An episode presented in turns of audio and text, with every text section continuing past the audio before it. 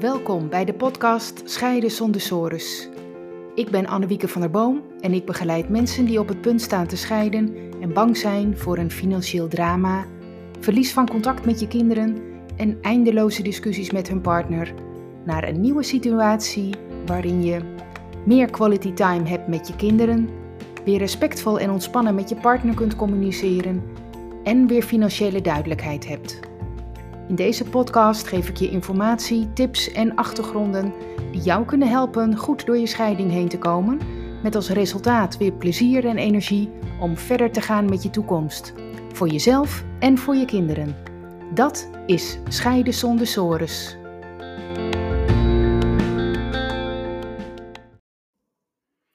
Leuk dat je er weer bent. Deze aflevering wil ik het hebben over pubers.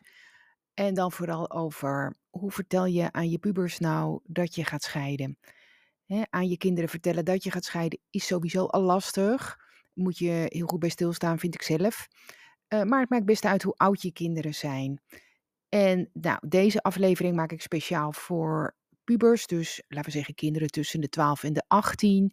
Maar ook als je kinderen wat ouder zijn, laten we zeggen jongvolwassen boven de 18. Um, en ook daarboven nog is het denk ik best wel interessant om, um, om hier eventjes uh, naar te luisteren en te kijken of je er wat aan hebt. Um, een scheiding is natuurlijk altijd ingrijpend voor kinderen. En het moment dat je ook het vertelt aan je kinderen, onthouden ze vaak heel goed. Vooral als ze wat ouder zijn, hè, zo in deze leeftijd. En dan weten ze nog goed, oh, het was toen en toen, of die, dat moment. En oh ja, zo ging het toen en, en zo was het toen voor mij. Dus vandaar dat het ook heel belangrijk is dat je daar als ouders goed bij stilstaat. Um, kijk, ja, een puber die begrijpt eigenlijk al wel wat over hoe werken nou relaties, vriendschapsrelaties, andere relaties. Ze weten ook dat relaties voorbij kunnen gaan. Maar toch is het voor hun wel heel verwarrend. Want ze zitten in een fase van het, het uh, loskomen van, van, van jullie als ouders. Um, hun hersenen zijn uh, volop uh, aan de gang, in ontwikkeling, aan het groeien. Ze hebben natuurlijk allerlei hormonen um, die, die van allerlei effecten geven aan hun lijf, ook geestelijk.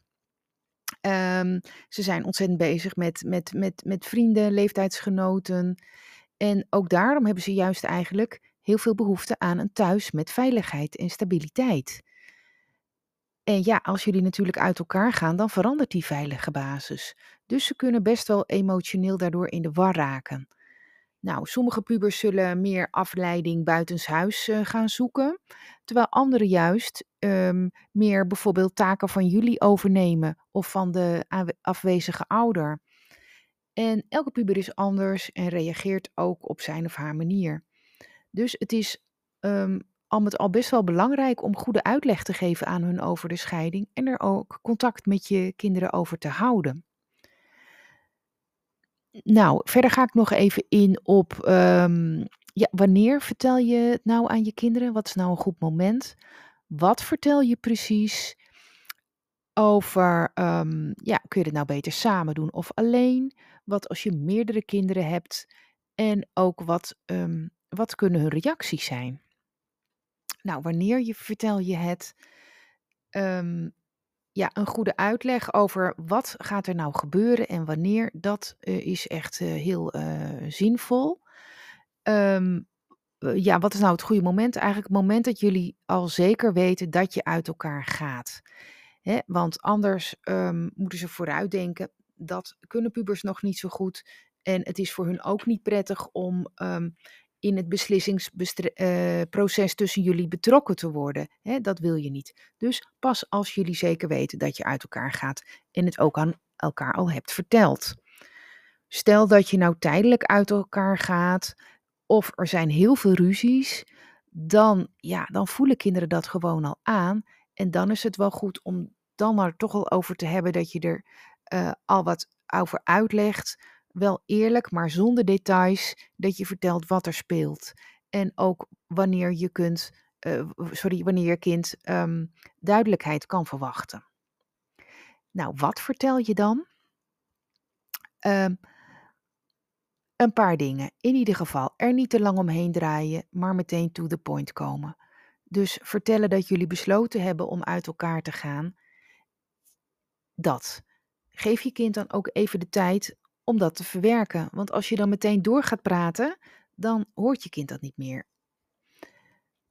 Daarna, ehm, kort de reden waarom jullie uit elkaar gaan. Want uh, dan kan je kind de eh, scheiding beter begrijpen. En je voorkomt daarmee ook dat je kind het gevoel krijgt dat hij de oorzaak van de scheiding is.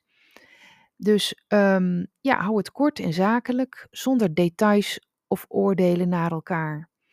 Dus niet het komt door uh, papa of mama of uh, dat en dat is er gebeurd. Nee, alleen een feit, we gaan uit elkaar. zo neem je namelijk samen als ouders die verantwoordelijkheid en maak je elkaar niet zwart. En um, ja, dat moet je natuurlijk wel even goed voorbereiden. Want ook als een van jullie ja, er natuurlijk best wel moeite mee heeft, dat kan heel goed, of er helemaal niet achter de scheiding staat, is het toch belangrijk dat je het wel neutraal en zakelijk vertelt. bijvoorbeeld um, dat jullie te veel ruzie hebben samen, of dat jullie elkaar niet meer gelukkig maken. En ook zeker erbij vertellen dat jullie altijd evenveel van je zoon of dochter zullen blijven houden. Dat dat nooit over zal gaan. En dat klinkt gek, hè, want je denkt, uh, nou, uh, natuurlijk, dat is toch nogal logisch. Nee, het is toch goed om dat er wel echt zo bij te zeggen. En ook heel belangrijk benadrukken dat het niet hun schuld is dat jullie uit elkaar gaan. En dat het ook definitief is.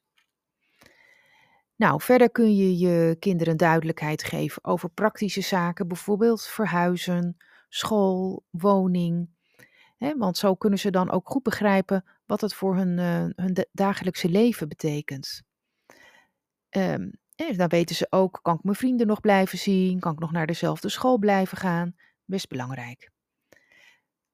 Misschien weet je nog niet wat die gevolgen zullen zijn, hè, want je weet nog niet waar je gaat wonen of wanneer jullie huis verkocht wordt. Uh, vertel dan dat je kind dat hoort zodra jullie het weten. Hè? Uh, dus beloof je kind ook dat je hem of haar op de hoogte houdt daarvan. En ja, moet je dat gesprek nou alleen voeren of samen? Hè, ehm, met vader en moeder samen, zeg maar. Uh, voor het kind is het wel het fijnst als jullie het samen als ouders kunnen vertellen dat jullie uit elkaar gaan. Want dan is het een gezamenlijke boodschap en dat is het meest prettig voor de kinderen. Ja, en vertel het straks ook uh, kort en zakelijk, maar zorg er ook voor dat je elkaar niet tegenspreekt um, of discussies krijgt, maar dat je elkaar aanvoelt. Nou, als dat nou echt niet gaat, als je denkt, ja, dit lukt ons beslist niet, want we verwachten gewoon conflicten tussen elkaar, ja, bespreek het dan apart met je kinderen. En vertel elkaar even, hou elkaar ervan op de hoogte als je dat gesprek hebt uh, gevoerd. En kijk, wat ik nu allemaal vertel is heus niet makkelijk, maar als je het goed wil doen voor je kinderen, is dit wel de beste manier. Welk moment? Ja, kies een rustig moment um, waar, waarin jullie even niet gestoord kunnen worden door bijvoorbeeld een tv die aanstaat, of telefoontjes of berichten die binnenkomen. Vaak is het wel het fijnst uh, een plek waar jullie je allemaal prettig voelen, bijvoorbeeld uh, aan de keukentafel of in de woonkamer. En um, zo, zo laat je ook eigenlijk merken dat het uh, even een belangrijk moment is. Ja, je kan natuurlijk meerdere kinderen hebben. Dan moet je wel even kijken van vertel je het andere kinderen, alle kinderen tegelijk of na elkaar. Uh, tegelijk is best wel op zich een goed idee, want dan kunnen ze ook wat steun hebben aan elkaar. Hè, dat kan hen ook helpen om elkaars vragen te horen of om elkaars emoties te zien. Um, maar als je er toch voor kiest om, het, om, om je kinderen op te splitsen, zeg maar, om, het uh, de een dan te vertellen en de ander op een ander moment. Bijvoorbeeld als er een heel groot leeftijdsverschil is, vertel het dan eerst aan de oudste kinderen. En vertel hun dan ook dat je het zelf gaat vertellen aan de, mm, aan de jongere kinderen. En eh, dat je dat ook vlot doet. Want anders moet een puber er uh, zelf lang mee rondlopen. Dat is gewoon niet fijn. En vertel dan ook even aan je puber wanneer je het aan de kleinere kinderen hebt uh, verteld. En ja, die puber kan er bijvoorbeeld ook weer bij zijn als je het aan de kleinere vertelt. En dan kun je ook weer even met die puber afstemmen, gewoon vragen. Hè, zo ehm, eh, zorg je ervoor dat het voor iedereen uh, eigenlijk op de beste manier uh, gebeurt. Ja, hoe gaan je kinderen reageren? Ja, is heel verschillend. sommige kinderen uiten meteen hun emoties. Hè, ze worden heel boos of verdrietig. Laat het gewoon gebeuren. Anderen zullen misschien hun emoties niet gelijk laten zien, ook goed. En die gaan naar hun eigen kamer of trekken zich een beetje terug. Um, kinderen verwerken het ook vaak in stappen hè, en geven hun de ruimte en de tijd ervoor. Hè, door bijvoorbeeld er later nog eens een keertje op terug te komen. Dat je aan, aan je kinderen vraagt van, goh, hoe voel je je nu? Of heb je nog vragen? En, en neem dan ook alles heel serieus uh, wat ze vertellen. En daar moet je ook zelf over beginnen. Hè? Um, want kinderen lopen gewoon altijd met vragen en onzekerheden rond. Um, en dat zullen ze niet altijd uit zichzelf met je delen. Um, dus vraag er regelmatig even naar. En laat ook merken dat je kind met, met al zijn vragen of uh, emoties bij jou terecht kan. En je kunt ze ook laten meedenken. Hè, pubers hebben een leeftijd dat ze al goed kunnen meedenken. Vraag ook gewoon naar hun mening en hun tips. En luister hiernaar. Dan neem je ze serieus. En um, dan zullen ze zich ook minder machteloos voelen. Bijvoorbeeld kun je aan hun vragen: Goh, hoe, hoe, kijken jullie naar de zorgregeling uh, straks? Misschien hebben ze daar best wel wensen over of tips. En um, ja, daarnaast moet je je kind ook niet te veel verantwoordelijkheid weer geven, want dat geeft hun weer extra zorgen. Dus laat hun ook weten van nou, um, wij als ouders, wij uh, nemen, uh, nemen de verantwoordelijkheid voor, uh, voor de echte beslissingen en de oplossingen. Oké, dan heb ik nog wat leuke tips voor boeken voor pubers. Er zijn er ontzettend veel, maar twee die ik, um, ik ken ze natuurlijk ook lang niet allemaal, maar twee die ik zelf heel um, leuk vind. Ja, leuk. Een boek mag ook leuk zijn, vind ik namelijk. Dat is het boek Hoe overleef ik zonder mijn familie?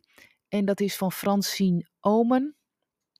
Um, ja, dat is een heel leuk geschreven boek met allemaal tips en, en, en, en, en herkenningen erin. Dat zullen je kinderen zeker van alles in herkennen. En er is ook nog een ander boek wat ik zelf heel goed vind. Dat is het boek van uh, Villa Pinedo.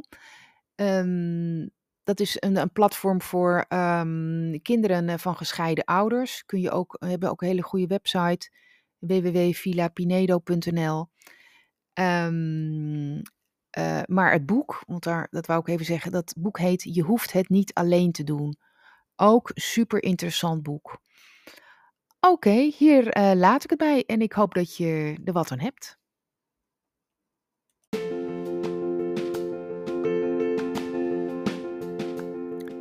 Leuk dat je hebt geluisterd naar deze aflevering. Ben je benieuwd naar meer? Abonneer je dan op deze podcast.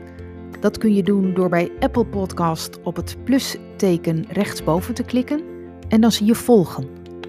Bij Spotify door linksboven op volgen te klikken. Wil je meer weten over mijn full service mediation? Bekijk dan mijn gratis video, waarvoor je je kunt aanmelden via mijn website annewiekebemiddeld.nl. Tot de volgende aflevering.